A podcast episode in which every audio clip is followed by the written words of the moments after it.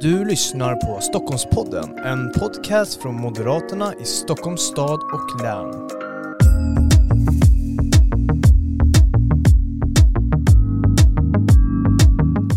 Ja, och eh, varmt välkomna till ännu ett avsnitt av Stockholmspodden. Eh, det känns som jag har sagt den här frasen nu i hundra år och man kan ju nästan tro det. Vi är inne nu på det, ja, jag vet inte vilket nummer det här kommer vara, men det kommer vara ett avsnitt i alla fall, eh, över 30. Så vi kommer ha gjort 30 avsnitt eh, efter det här och eh, det är ju alltid kul att det går bra och att ni tycker att det är roligt och fortsätter lyssna. För tanken är att vi ska fortsätta med det här och om man har några idéer eller inspel och så liknande så kan vi mejla in till eh, som är till moderaterna.se. Jag vill bara passa på att säga det. Vi är öppna för idéer och så om man vill ha något speciellt ämne eller någon speciell talare och så vidare.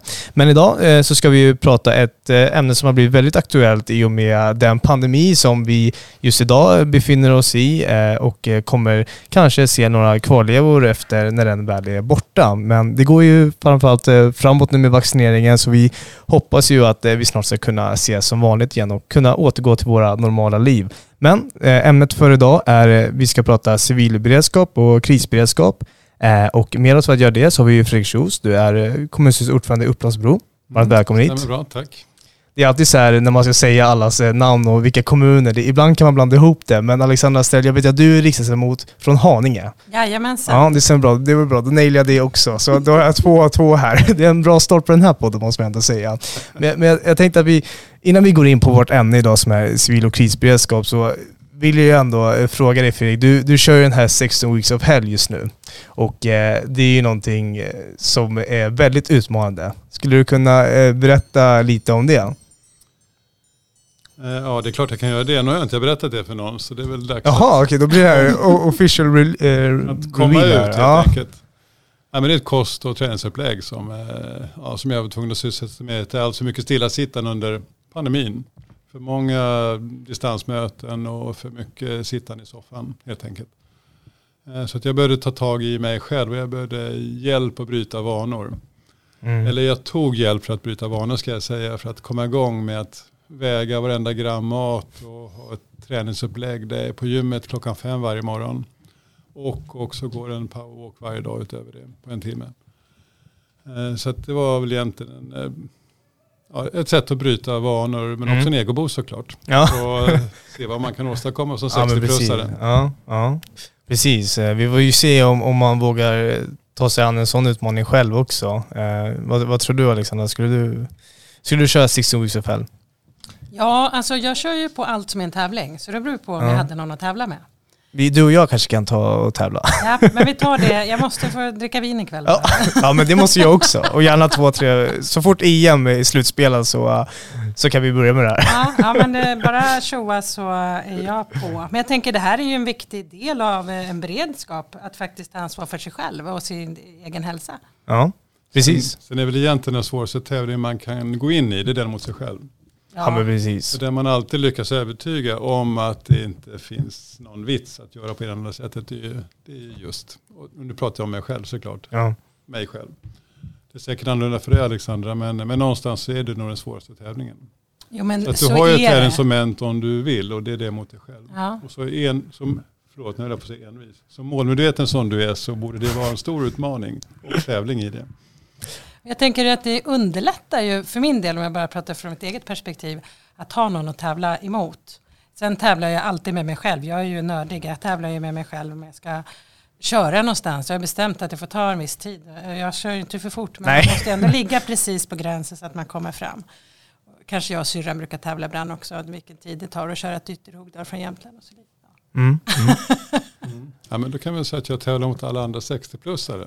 Ja, men det ser ut som att du kommer vinna. Ja precis, det, det gör det så länge ser det bra ut. Ja, det ser bra väldigt ut. bra ut. De som lyssnar ser, ser ju inte det Fredrik, men du ser väldigt stark ut. Ja, och snabb. snabb och stark ja. Jag tänker inte visa upp några magrutor här Nej. i podden. Nej, det, det kommer sen på, på Upplandsbros hemsida. Nej, men, men hörni, eh, nog snackat, eh, snackat om, om träning och så vidare. Vi får se vad vi landar Alexander i, i vår lilla tävling där. Men vi ska faktiskt prata eh, civil och krisberedskap idag och det är ju ett extremt viktigt ämne. Det är ju ett ämne som man kanske inte tänker på varje dag men sen när man väl befinner sig i krig eller pandemi eller någon annan katastrof, då är det här det enda man, man tänker på. Men jag tror, tänker att vi först ska försöka reda ut lite av begreppen innan vi går in i, i diskussionen och tänkte jag eh, fråga dig Alexandra, tre begrepp. Civilförsvar, militärförsvar versus krisberedskap. Om du skulle vilja eh, kanske kategorisera in de här tre i, i olika fack. Vad är det som skiljer dem åt så att vi, vi vet ungefär vad vi pratar om idag i, i podden? Ja, man kan väl säga så här att vi har ju ett totalförsvar som består av den militära delen, alltså kanoner och krut och hela den biten, ubåtar. Eh, och sen har vi den civila delen som eh, i, handlar ju egentligen om hela samhället som ska rusta sig för eh, krig. Sen mm. har vi ju krisberedskapen som också vi alla är inblandade i. Den är ju hur man dimensionerar eh, samhället och oss själva i, för kris i freds, fredstid. Mm. Så att det är lite skillnader. Men någonstans är det ju så här att om man rustar hela samhället för krig då klarar man också kris. Mm. Mm. Håller du med om det Fredrik? Ja, men de här begreppen går ju också i varandra kan jag tycka. Nu jobbar vi på kommunal nivå väst med civil, civila försvaret såklart, men vi har ju också en uppgift, även om inte den är definierad fullt ut, varken vad militären ska ha för stöd eller vad vi ska bidra med för stöd, så ska vi också bidra till militära Alltså Alexandras kanoner och, och krut. Mm. Eh, samtidigt som vi hela tiden ska ha en krisberedskap. Så de här begreppen går ju verkligen i varandra. Eh, så visserligen är de särskilda som begrepp men ändå inte i funktion. Mm. Till del. Vi, vi går i varandra i de här delarna och tvingas ju arbeta med alla, alla olika delar. Sen har vi, tycker jag, då, inte riktigt redskap för att kunna jobba från, från min horisont i alla fall med de här delarna fullt ut. Mm. Det finns en otydlighet både i det som är sagt och det som, som ligger framöver kopplat till de förväntningar som finns från regeringens sida. Eh, så att jag måste säga att det finns en från min sida en stor osäkerhet på vad vi egentligen förväntas bidra med. Mm, mm. Förutom allt från att skaffa förnödenheter till att stötta militären och kanonerna och krutet. Mm. Men, men ja, stor osäkerhet just nu. Mm.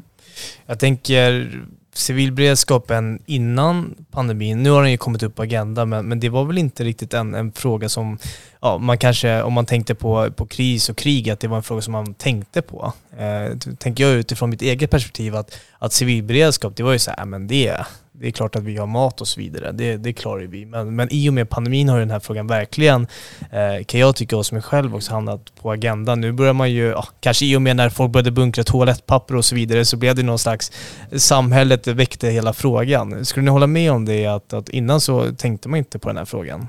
Både och tänker jag. För att dels så har man ju, jag som är innördad i det här nu, men vi har ju ändå haft en försvarsberedning som har jobbat kring det här som också har lyft vikten av att det måste både vara den civila och den militära delen. Man har också lyft att det måste satsas mer pengar, att man måste sätta mål, det måste vara bättre styrning och ledning. Det har man kommit fram till. Sen har vi ju en regering som inte har tagit de besluten sen mm. som kanske behövs. De har tillsatt väldigt många, eller tillsatt väldigt många utredningar.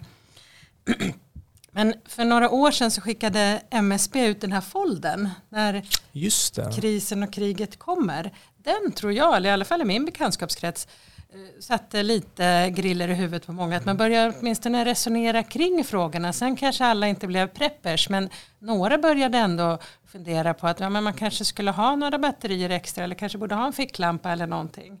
Sen finns det ju de som är extrema och eh, kan klara sig redan nu tre månader mellan sina saker hemma. Och så har vi de som inte har någonting alls. Och det som Fredrik var inne på, just den här otydligheten, både tänker jag, som kommun eller region men också för oss enskilda individer. Man behöver faktiskt få veta vad förväntas jag göra när det här händer? Har jag en uppgift? Det är kanske därför vi moderater också vill att man ska utreda att äh, återinföra civilplikten så att det blir tydligt. Vad ska jag göra om det händer någonting? Mm. Ska jag vara ansvarig för att fixa vatten eller ska jag styra upp förskolan eller vad? Mm. Vi ser att den folden var eh, startsk startskottet då för att väcka civilberedskapsfrågan igen då, och sen kom pandemin på att spä på det. Eh, Fredrik, skulle du säga att den, den är här för att stanna då? Mm. Ja, men jag backar lite till din ursprungliga fråga mm. om pandemin ändå har satt, satt saker på någon form av spets. Så kan jag tycka att kriser generellt gör det. Att det någonstans skapar medvetande hos oss alla att vi behöver vara mer beredda. Tyvärr så är inte det uthålligt. Utan det vi egentligen lär av historien är att vi inte lär någonting av historien. Eh, så någonstans så har vi ett, ja, in Sweden we have a system. Och det bygger på att det är någon som talar om vad vi ska göra och det systemet har ju visat sig inte fungera.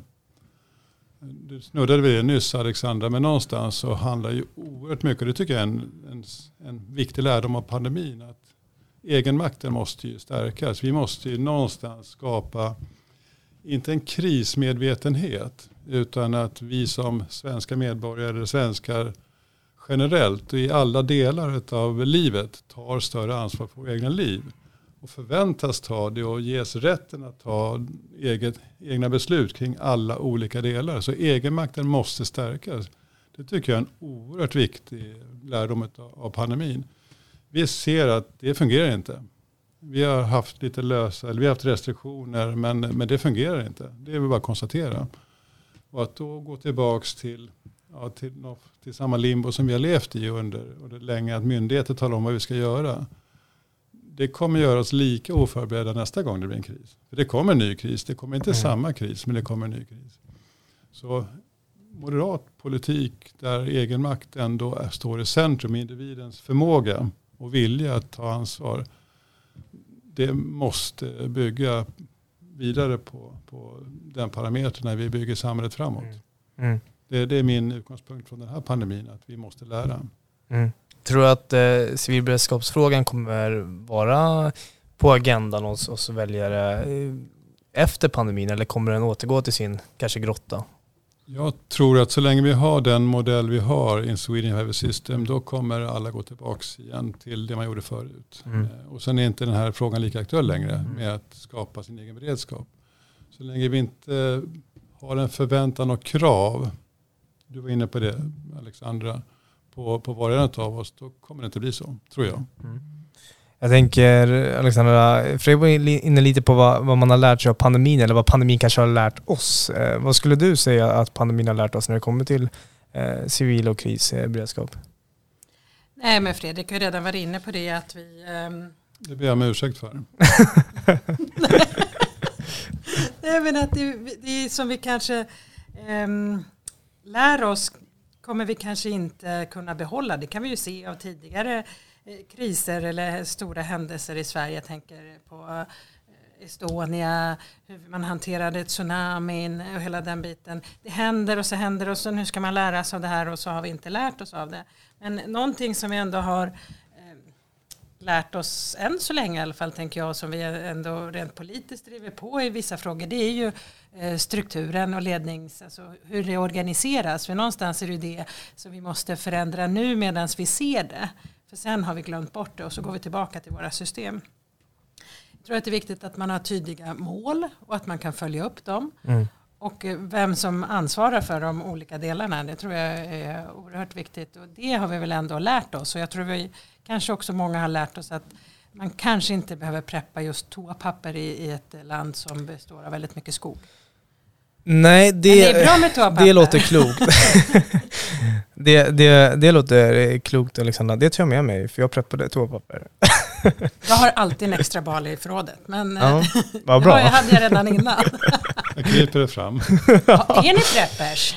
Nej, jag kan inte säga att jag är preppers, utan jag är en sån som går under efter dag, eller på dag två. Om okay, det men då får du komma till mig. Ja, jag får ta lite kurser hos dig Alexander så får du visa mig. Ja, men jag har preppat med öl och chips.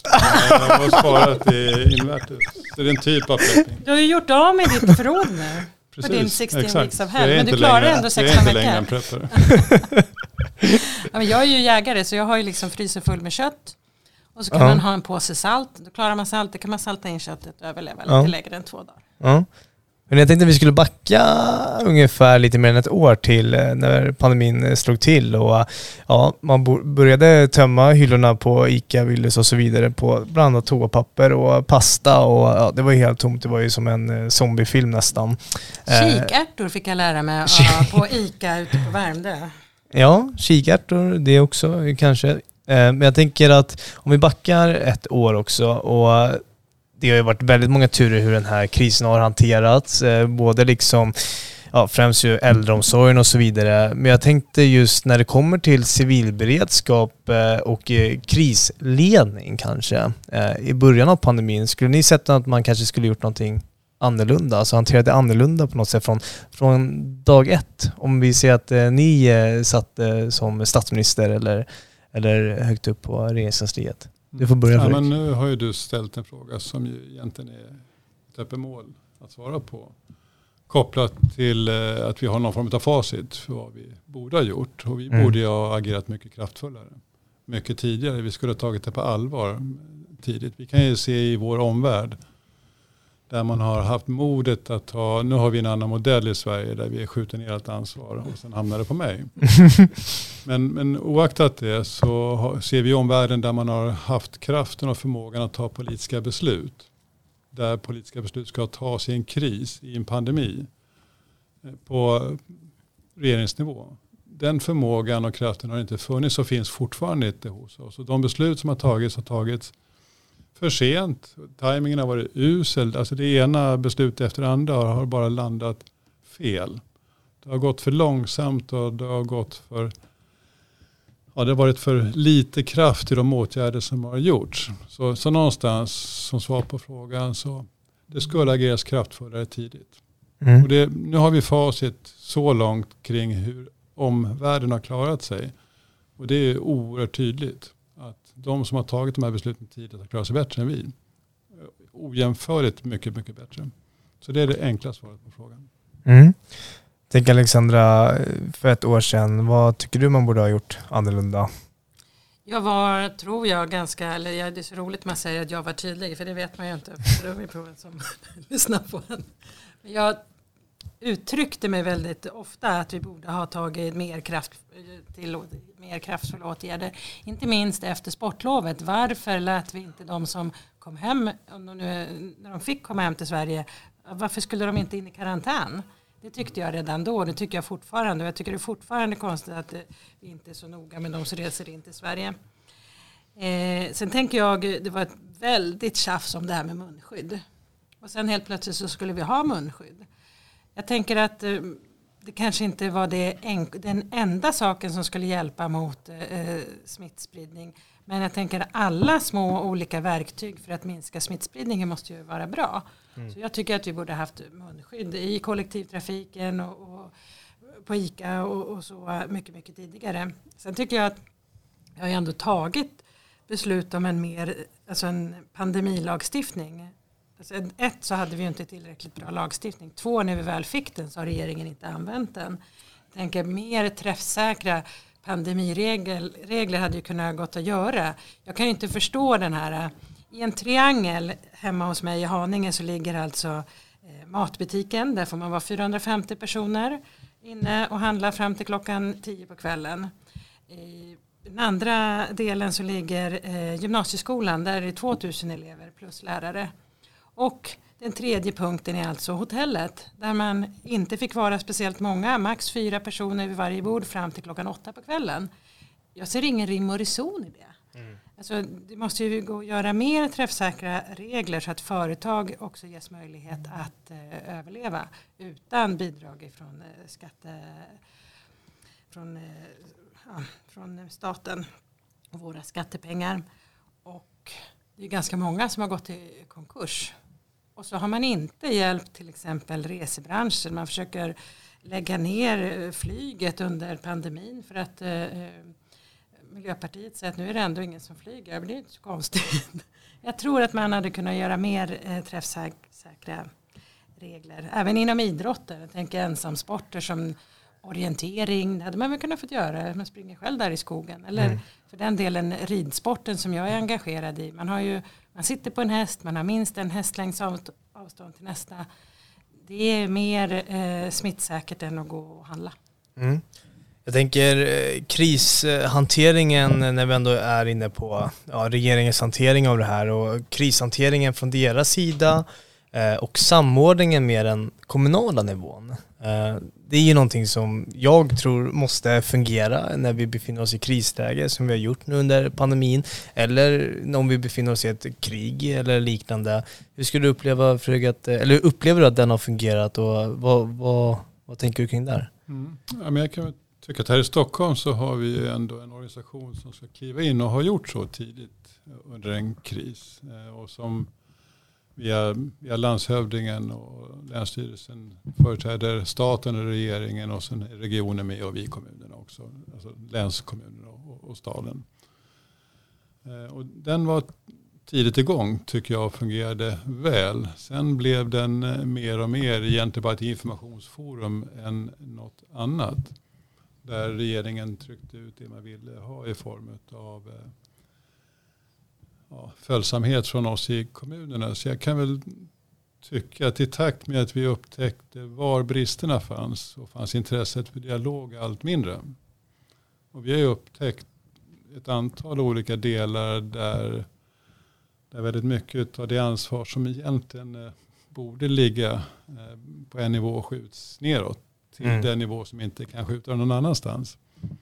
Eh, så, så någonstans så behövs det en tydlighet hur en samordning ska fungera även i kris. Och också hur ansvarsfördelningen kan hanteras under en kris. Det finns en otydlighet och det har också funnits en ovilja tycker jag från regeringens sida att hantera de här frågorna. De har ju duckat och jobbat aktivt med att slippa ta ansvar. Allt är Reinfeldts fel. Eh, säkert också pandemin. Men någonstans så har man har man jobbat mer aktivt med att, med att förklara att det är någon annans fel än att ta ansvaret. Och vi förväntar oss, jag förväntar mig, jag tror att de flesta förväntar sig att en regering som, som ska leda landet tar ansvar varje dag. Och när det då blir en kris så är den förväntan dubbelt så stor såklart. Och där har regeringen svikit, tycker jag. I alla de olika delarna. Mm. Kopplat både till samordning, ansvars glidande och bristen på ansvarstagande. Eh, och någonstans så längst ner i linjen så måste vi på kommunen hantera verkligheten. Mm. Tänker Alexandra, hur viktigt är det dels för civilberedskapen men också i krisberedskap att, att det finns en kommunikation, en eh, tydlig le, alltså ledartröja i regeringen då, då Eh, när det till exempel är sådana här pandemitider och kriser och så vidare. Hur viktigt är att det finns kommunikation, det finns en tydlig ledartröja och det finns tydliga instruktioner och eh, strukturer för hur vi ska, ja, kommunen ska agera men också regioner och såklart också staten. För jag kan väl uppleva att under den här pandemin eh, från mitt håll som inte sitter i, i någon kommunfullmäktige, regionfullmäktige eller riksdagen så har det ändå varit lite otydligt vem som ska bära ansvaret för, för vissa saker och jag tror att här någonstans så har den här krisberedskapen och också civilberedskapen landat mellan stolarna lite. Vem ska ta ansvaret? Vad, håller du med om det? Min ja, iakttagelse där. Jag håller verkligen med om det och eh, det måste vi verkligen se över det här med ansvarsprincipen för att någonstans så ehm, måste ju någon i slutändan ta ansvar och det har man ju inte gjort i den här pandemin. Mm. Och, ehm, eller ja, jag skulle säga att det är väldigt många som har tagit ansvar ska jag säga. Som Fredrik som kommunstyrelsens ordförande i Upplandsbro eller om man är regionråd eller liknande. Det finns väldigt många duktiga människor runt om i Sverige som har tagit fantastiskt ansvar. Det finns de som driver eh, boenden för äldre eller liknande. Det finns jättemånga som tar ansvar men man kanske inte har getts förutsättningarna att kunna mm. ta bättre ansvar. Jag eh, var ju eh, prao eller volontärarbetare på ett äldreboende i april förra året. Och vi hade alltså två munskydd på hela avdelningen som skulle räcka liksom både till dag och nattpersonalen. Och man skulle gå in till de som var covid-sjuka. Jag var ju bara i köket så att jag behövde aldrig använda det där. Men jag blev ju dyngsjuk efter jag var där och låg ju 13 dagar i, i corona. Det var ju inte bara jag som blev sjuk och det var ju rätt många som dog. I onödan för att man inte att det inte fanns förutsättningar, att det, det fanns inte ens tillräckligt med, med materiell. Det fanns inte tillräckligt med munskydd. Och framförallt så fanns det ju inte tydligheten i att det kan ju nog vara fiffigt att ha munskydd. Jag menar, det har ju våra läkare när de opererar mm. i vanliga fall och så vidare. Eh, jag tycker att det har varit man kan absolut bli bättre på kommunikationen, på styrningen och ledningen och vem som i slutändan ansvarar. För att idag är det lite som man skyller på varann. Mm. Det var Folkhälsomyndigheten. Ja, de har ju gjort sitt, men i slutändan så i min värld är det ju så att även om eh, vi har fristående myndigheter så är regeringen ju tillsatt för att leda landet. Mm. Fredrik, eh, vad tänker du kring det här med, med strukturer? Behöver man göra strukturomvandlingar för att vi ska vara bättre förberedda inför ja, nästa kris? För det kommer ju en till kris så småningom. Ja, men jag tänker svaret är ja såklart. Men samtidigt så är det nog inte rätt svar på den frågan. För om vi då ska förbereda oss för en kris som vi ska lära av nu, alltså den här krisen, och förbereda oss för samma kris igen, så gör vi fel. Jag tror att oerhört mycket såklart handlar om eh, att ha rätt strukturer, rätt typ av modell för hur vi hanterar ansvar och samordning och kommunikation, precis som du var inne på Alexandra. Men jag måste ändå igen med en dåres envishet, jag på att säga fel, målmedvetenhet, ändå uttrycka att det handlar om att stärka egenmakten. Vi måste få var och en att faktiskt steppa upp. Vi måste ställa högre krav på var och en och vi måste också ge var och en förutsättningar att göra val i sin egen vardag. Det är först när man både får och, och kanske tvingas göra val som, eh, som egenmakten stärks. Så jag tror att arbetet handlar inte om att bygga upp en förberedelse för nästa kris baserat på vad vi lär av kopplat till att vi ska ha vissa förråd eller vissa alltså, de här delarna på plats. Vi kommer vara lika oförberedda nästa gång och vi kommer som medborgare vara lika beroende av att myndigheterna talar om vad vi ska göra. Och då är vi offside igen. Mm. Det är min bestämda uppfattning. Jag hoppas att jag har fel, att var och en har lärt sig på individnivå. Men jag tror inte att det är så enkelt när vi har det här systemet i Sverige. Att det är myndigheterna som talar om vad vi ska göra och förväntas också tala om vad vi ska göra. Och nu är det så fungerat. många som är så jäkla less på den här pandemin så ja. man skiter egentligen i... Ja men vem är inte det, jag på säga. Jo, jo, men eh, man måste ju fortfarande ta ansvar. ja, men jag tror att det kommer gå, nu knäpper med fingrarna så snabbt mm. den dag som restriktionerna är borta innan vi lever som vi gjorde tidigare. Mm. Och glömt bort allt, allt det där. Mm. Det kommer, ja, aldrig, hända, det det kommer aldrig hända igen. Nu har vi mm. klarat av alla kriser. Mm. Men det har vi inte. Men det är på någonstans så, så landar det väl ändå i, man kanske inte, om man ska ta det som du säger Fredrik, men det kanske inte går att förbereda sig för man vet ju inte vad som komma skall. Så är det ju. Ingen av oss trodde att en pandemi skulle komma och slå så här hårt eh, från Kina och så vidare. Så det är ju svårt att, att förbereda sig. Men jag tänker väl ändå att kommunikationen mellan de tre olika nivåerna, den kan man ju ändå förbättra, eller hur? Absolut. Ja, men det vi lär, det är strukturella frågor såklart. Ja. Eh, kring både styrning och ledning och samordning såklart och hur vi fördelar ansvar. Den svenska modellen för ansvarsfördelning måste vi nog titta över. Den har inte fungerat, det är bara att konstatera. Eh, den har mer givit en möjlighet att smita undan ansvar än att ta ansvar och det är en modell som är vansinnig såklart. Så den måste ju ses över. Och där eh, ansvaret ytterst ändå alltid måste ligga på vår regering. Och vi har en modell där det inte har varit så. Eller där mm. det inte är så ska jag säga. Mm. Så de strukturella delarna måste vi såklart lära av. Svar ja såklart. Mm. För regeringen är ju liksom det centrala nervsystemet i en kris. Eh, eller rent generellt ju, är det ju så. Eh, men eh, jag tänker Alexandra, vad tänker du kring det? Tycker du också att för mycket ansvar har skjutits neråt till Fredriks nivå eller regionnivå? Hur tänker du där? Jag tycker att vi synkroniserar alldeles för dåligt. Men man har olika ansvarsområden och det skulle vara jättekonstigt om det var staten som ansvarade för någonting som Fredrik idag ansvarar för. Men det måste ges tydliga förutsättningar och det måste vara tydligt vem som ska göra vad. Då tror jag det här med kommunikation är oerhört viktigt. Men jag tror också att det är viktigt att man sätter de strukturerna, att man övar i strukturer. Då tror jag också att man per automatik som varje individ blir mer medveten. Jag önskar att det ska vara så i alla fall. Ja.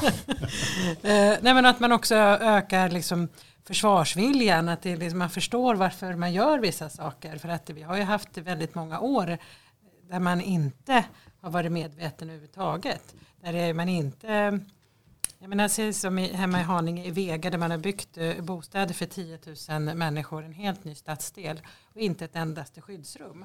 Mina barn vet inte vart det finns ett skyddsrum hemma där vi bor. Jag vet det, men det är för att jag har tagit reda på det. Jag vet också vart det finns där jag växte upp någonstans. Men det finns inte den informationen längre. Men jag tror att uh, sätta strukturer, öva, hålla liksom det mer levande. Mm. Och att man är tydlig ganska ofta. MSB har gett ut en folder men det är ju liksom kommer nya människor, de växer upp, man behöver få informationen. Vad är det som egentligen förväntas av mig då? Jaha, ska jag ha vatten hemma? Vad händer? Ja, om elen går, då fungerar alltså inte vattnet heller. Det behöver man ha lite koll på. Men ska den informationen komma från kommunen eller från regionen eller från myndigheten, alltså statlig nivå? Eh, man måste ju bana ut de här frågetecknen någonstans och det kanske är svårt med en ja, socialdemokratisk regering eh, eh, sådär, eller vad, vad, tänker ni kring det? Ja, men jag kan tycka att så länge vi inte har en tydlighet från regeringen vad som förväntas så är det svårt för oss att ha en förväntan på var och en vad de ska ha i form av vatten och toapapper. Eller pasta eller kikärtor eller vad det är för någonting man vill ha eller ska mm. förväntas ha hemma. Mm. Så det, återigen, det börjar med att man måste, eh, även om en del arbete är gjort i, i beredningen då, så är, så är mycket kvar att skapa tydlighet. Både vad gäller ledning och, och eh, oerhört mycket kring de förväntningar som finns på olika nivåer. Sen är det en resursfråga också. Det som är tilldelat för att bygga upp eh, civil beredskap idag på, på min nivå, kommunal nivå, det motsvarar inte ens en halvtidstjänst. Vi kan inte ens börja planera för att bygga upp en, eh, stärka den civila beredskapen. Och vi förväntas göra massor som visserligen inte är preciserat men det finns en stor lista på förväntningar. Men absolut inga resurser så det fattas jättemycket från regeringen, tycker jag. Mm. Kring de delarna som, som vi ska göra och då kan vi informera och ställa krav på medborgare. Men idag kan vi inte det.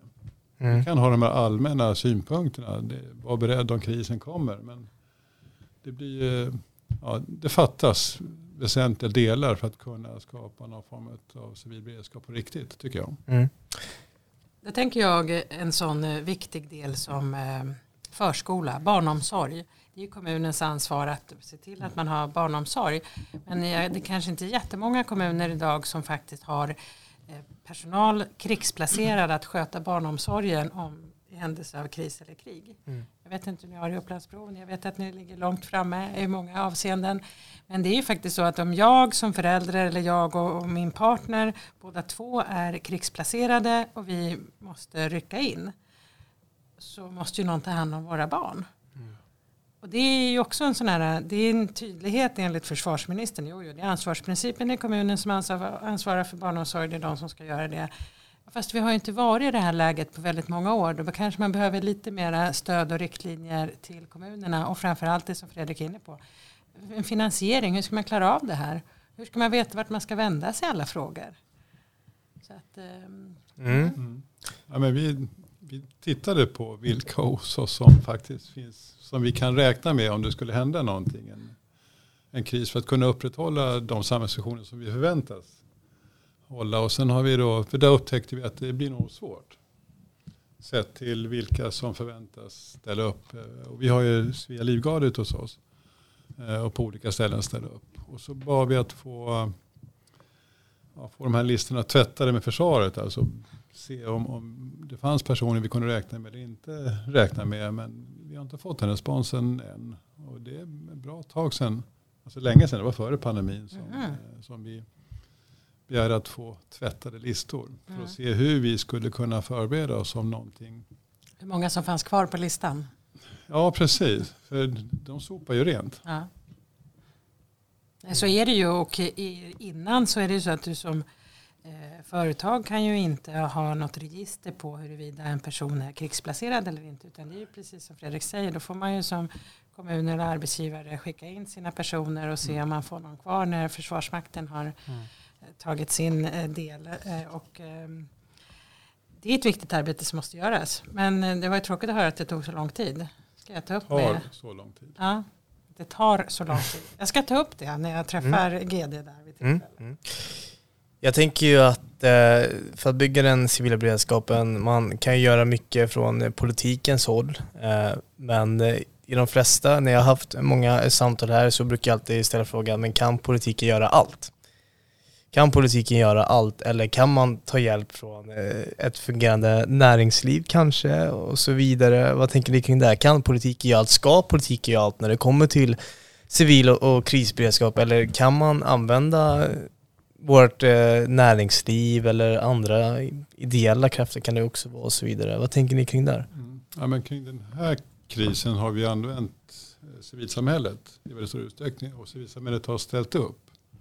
Eh, och också näringslivet tycker jag. Så vi ser ju kraften som finns både i civilsamhället och i näringslivet. Och det är självklart, tycker jag, att näringslivet ska bli en mycket, mycket aktivare del i uppbyggnaden av civilförsvaret och också civila beredskapen för att kunna ha en möjlighet att hålla alla viktiga samhällsfunktioner igång när, när krisen kommer. Eh, och därför saknas också både en tydlighet och riktning mm. från regeringens sida kring de delarna. Det, återigen, det handlar om myndigheter. Och sen finns det en otydlighet vad, vad som förväntas av olika delar. Men näringslivet har en avgörande del. Civil, för civilsamhället också, men, men näringslivet avgörande. Och de är inte inblandade i den delen i den utsträckning som de absolut borde vara och, som jag tror att de vill vara också. De är oerhört beroende av att allting fungerar de också. Att ja, det finns precis, ja. förskolor som, som ja. mm. deras personal också kan lämna sina barn på. Till exempel som, som du var inne på Alexandra. Så det är ja, mycket aktivare roll än, än ingen roll alls just nu. Mm. Vad tänker du kring eh, den här frågan? Du har ju lite mer nationellt perspektiv, även fast du är eh, kommunaktiv i, eller kommunpolitiker i Haninge också. Du har ju lite Ja, nej, men jag tycker absolut svaret på din fråga är nej. Politiken ska inte göra allt och vi kan inte göra allt heller. Utan det som Fredrik då med en, jag kommer inte ihåg vad du använde för ord som var korrekt, jag kommer bara ihåg en dåres envishet. Ändå har lyft här flera gånger, alltså det är egenansvaret, att det är det liksom en jätteviktig bit. Sen är näringslivet är ju oerhört viktigt. Alltså, samhället ser inte ut idag som det gjorde för 30 år sedan. Jag tänker bara en sån sak, man pratar om beredskapslager. Men försvarsministern säger att vi ska titta på Finlands modell. Där staten ansvarar för uppbyggnaden av hela beredskapslagret. Jag tror inte på den modellen. Jag tror att vi behöver använda oss av näringslivet. Jag tror också att skapar man ett um, näringslivsråd, alltså totalförsvarets näringslivsråd eller liknande, så skulle man kunna få fler innovativa idéer hur man skulle kunna lösa det här på bättre sätt än att mm. vi ska sitta ett gäng politiker och grunna på den frågan. De har ju säkert, det finns jättemånga eh, företagare som har eh, bra fräna lösningar. Det kanske behövs flera olika lösningar. Det gäller ju både mat och potatis, men det gäller sjukvårdsmateriel, det gäller drivmedel, det gäller eh, energiförsörjningen. Så det tror jag att eh, vi behöver näringslivet för att kunna göra det här. Och jag tror också att vi kan göra det mer kostnadseffektivt. Då, för det måste ju också vara en ruljans i sådana här lager. Jag vet inte, när jag var liten så gick jag påskkärring på påsken på skärtorsdagen och då kom vi alltid till, till Lars hette han och han gav oss alltid sina gamla militärchokladkakor. De hade ju funnits i tusen år och de var fortfarande goda och så men eh, de hade han naturligtvis fått eller köpt väldigt billigt det är ju inte meningen att man ska liksom behöva slänga massa saker efter ett tag. Man behöver ha en ruljans på eh, läkemedel alltså så att inte det kommer ut i miljön sen. Och, men också på grund av eh, ekonomiska skäl. Det måste liksom funka. Då tror jag vi behöver näringslivet. Jag tänker också civilsamhället att dels alla ska ta sitt egna ansvar men också att man kan på ett bättre sätt eh, organisera frivilliga. Man kanske inte vill vara med i inte vet jag, bilkåren eller i, i eh, hemvärnet. Men man kan tänka sig att just idag, idag, idag tisdag, så ungefär som Missing People. Mm. Nu är det någon som är försvunnen här i, i, centrala Stockholm och jag är här, jag kan hjälpa till. Att man försöker ta, ta tillvara på den kraften som ändå finns hos, hos människor. Men man kanske inte vill ha ett eh, långtgående åtagande. Mm. Mm. Det tror jag kan vara viktigt. Intressanta... Det fungerade väldigt väl hos oss. Vi byggde upp en frivillig resursgrupp eh, där vi tog frivilliga utifrån som vi har utbildat och stöttat. Av en, inte för att vi trodde att det skulle komma en pandemi men för att ha en beredskap. Mm. Ifall det skulle hända någonting. Och det var ju efterdyningarna av flyktingvågen. Mm. Som vi upptäckte att det, frivilliga initiativ togs lite varstans men det fanns ingen struktur på det och det fanns ingen samordning så vi tog den såklart den här mandatperioden när det är moderatlett i kommunen. Såklart. Eh, och då har den här frivilliga resursgruppen faktiskt samordnat och fått att fungera väldigt, väldigt väl kring alla de här som vill ha just den här tisdagen de kan sitta och göra skyddsmasker eller, eller förkläden eller skyddsrockar. Allting kunde inte användas. Men det är inte alltid heller poängen. Men det fanns ett, en samling kring att hjälpa till i en kris mm. som är oerhört viktig. Mm. Så visst, visst går det att få civilsamhället att faktiskt fungera de delarna. Och när vi satte de strukturerna så visade det att det fungerar. Mm. Det hade man ju behövt till exempel vid eh, någon av de här stora skogsbränderna där det var väldigt många som ville hjälpa till. De till och med åkte upp och nästan stod och knackade på brandbilarna att de ville hjälpa till. Men de vet ju inte vilka det är som knackar på. Det var folk som kom upp med 40 pizzor eller liknande. Men att liksom kanalisera den här välviljan, den här önskan om att få vara delaktig. Ja. Som, ni nu, som du berättar Fredrik att ni har gjort Upplandsbro. Det tror jag är jätteviktigt. Mm. Och uppskattat av civilsamhället. Mm. Mm. Som fick vara med och hjälpa till och inte blev stoppade i, i dörren.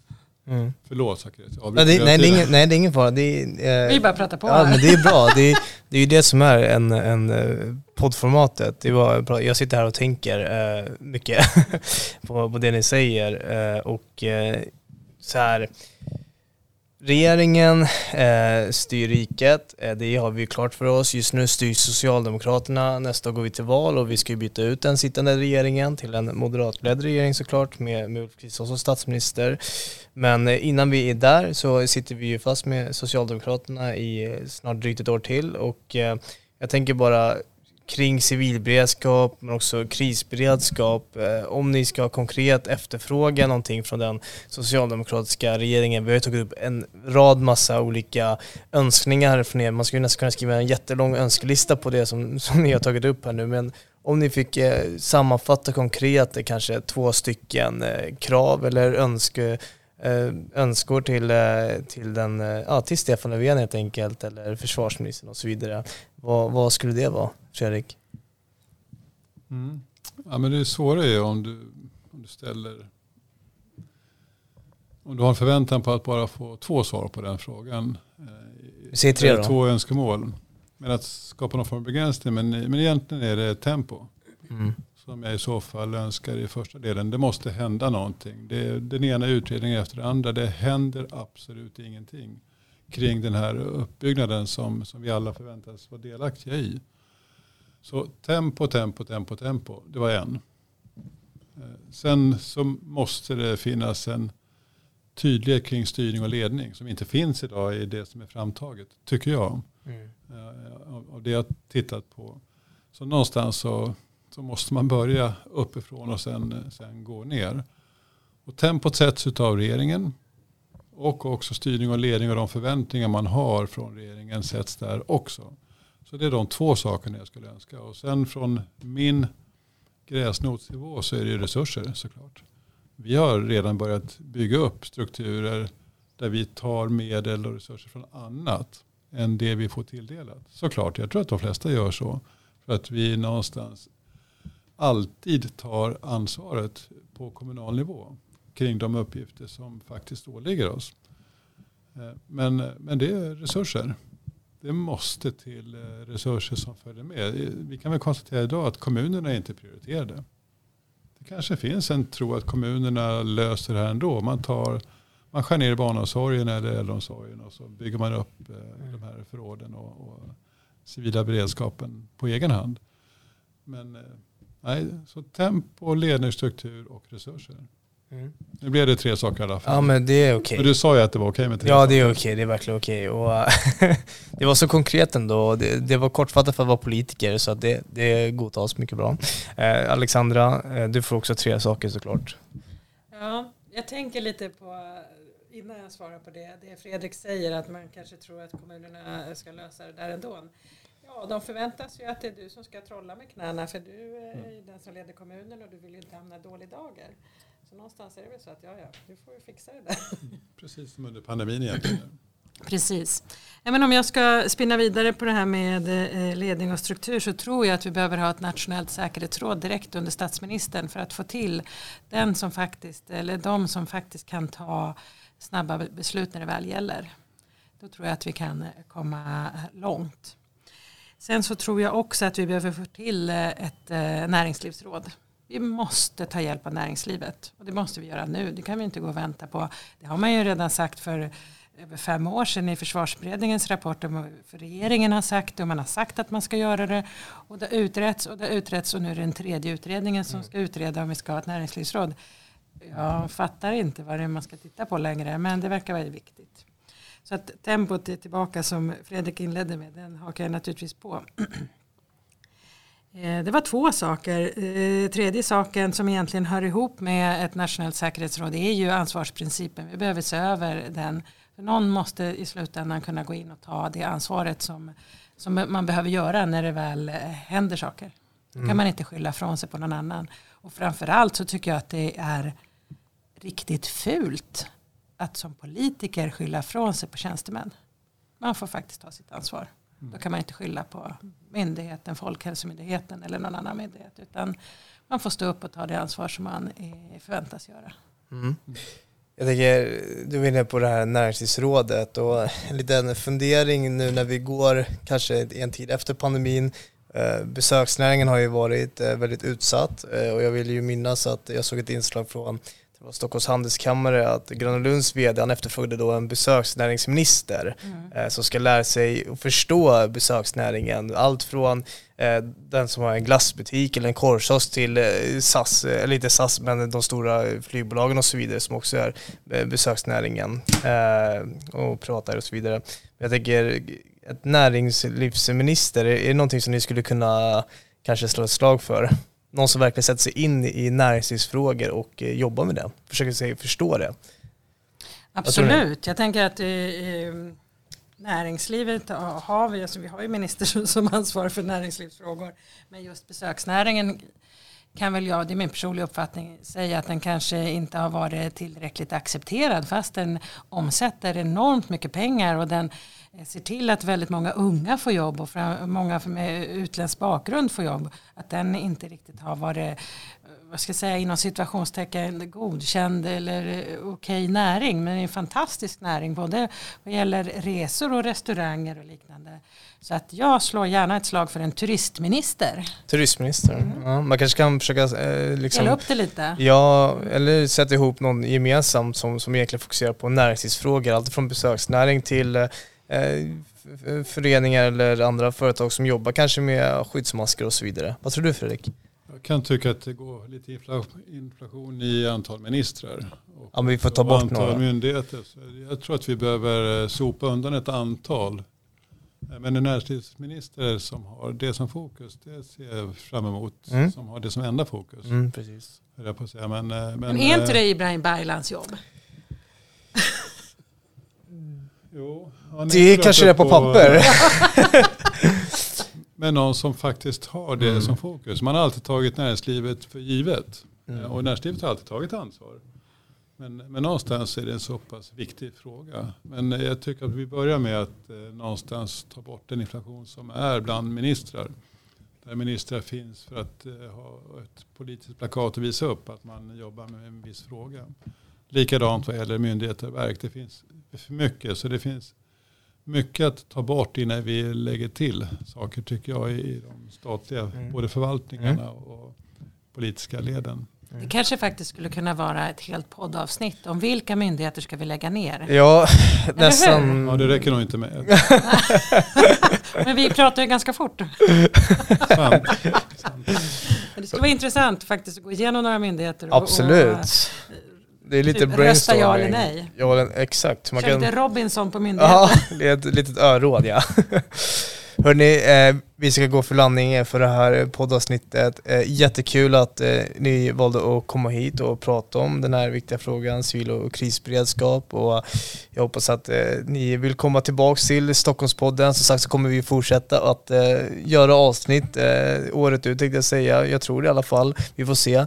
men ni är jättegärna välkomna hit och prata om något annat ämne. För det finns ju massa politiska frågor som kommer upp på agendan hela tiden och som brinner verkligen. Och de ska vi försöka behandla den här podden. Och såklart, jag vill också tacka dig som har eh, lyssnat på det här och eh, lyssnat på alla våra avsnitt. Eh, det är vi ju vi mycket tacksamma för och jag slår ett slag ännu en gång för att om man har idéer, inspel och så vidare så kan man ju mejla stockholm.moderaterna.se och också om man har någon fråga så får man den besvarad. Kanske om vår politik eller någonting annat. Och Alexandra räcker upp handen så fint här så att jag ska se någonting. Nej, men ja, jag vill också uppmana, eh, om det finns fler goda exempel nu som Fredrik har i Upplandsbro på att man är riktigt duktig på de här frågorna eller om ni sitter i opposition och det är något som inte fungerar riktigt som det ska så hör gärna av er så kommer jag gärna på studiebesök eller eh, liknande så att vi faktiskt får de här frågorna på agendan. Så att var och en också får ta det här egenansvaret som vi har pratat om tidigare. Mm. Stort tack Alexandra Astrell och Fredrik Schultz för att ni kom hit. Mm, tack själv och tack för att du tvingade hit oss. Ja, ja men det är, ibland måste man du vet. Eh. Så vadå, vadå valde? det här var jättetrevligt Zacharias. Ja, ingenting annat. Tack, tack. Eh, och med det sagt så säger vi också tack till er som har lyssnat och eh, så önskar jag er en fortsatt fin dag eller kväll beroende på när ni lyssnar. Hej då! Hej då! Hej då!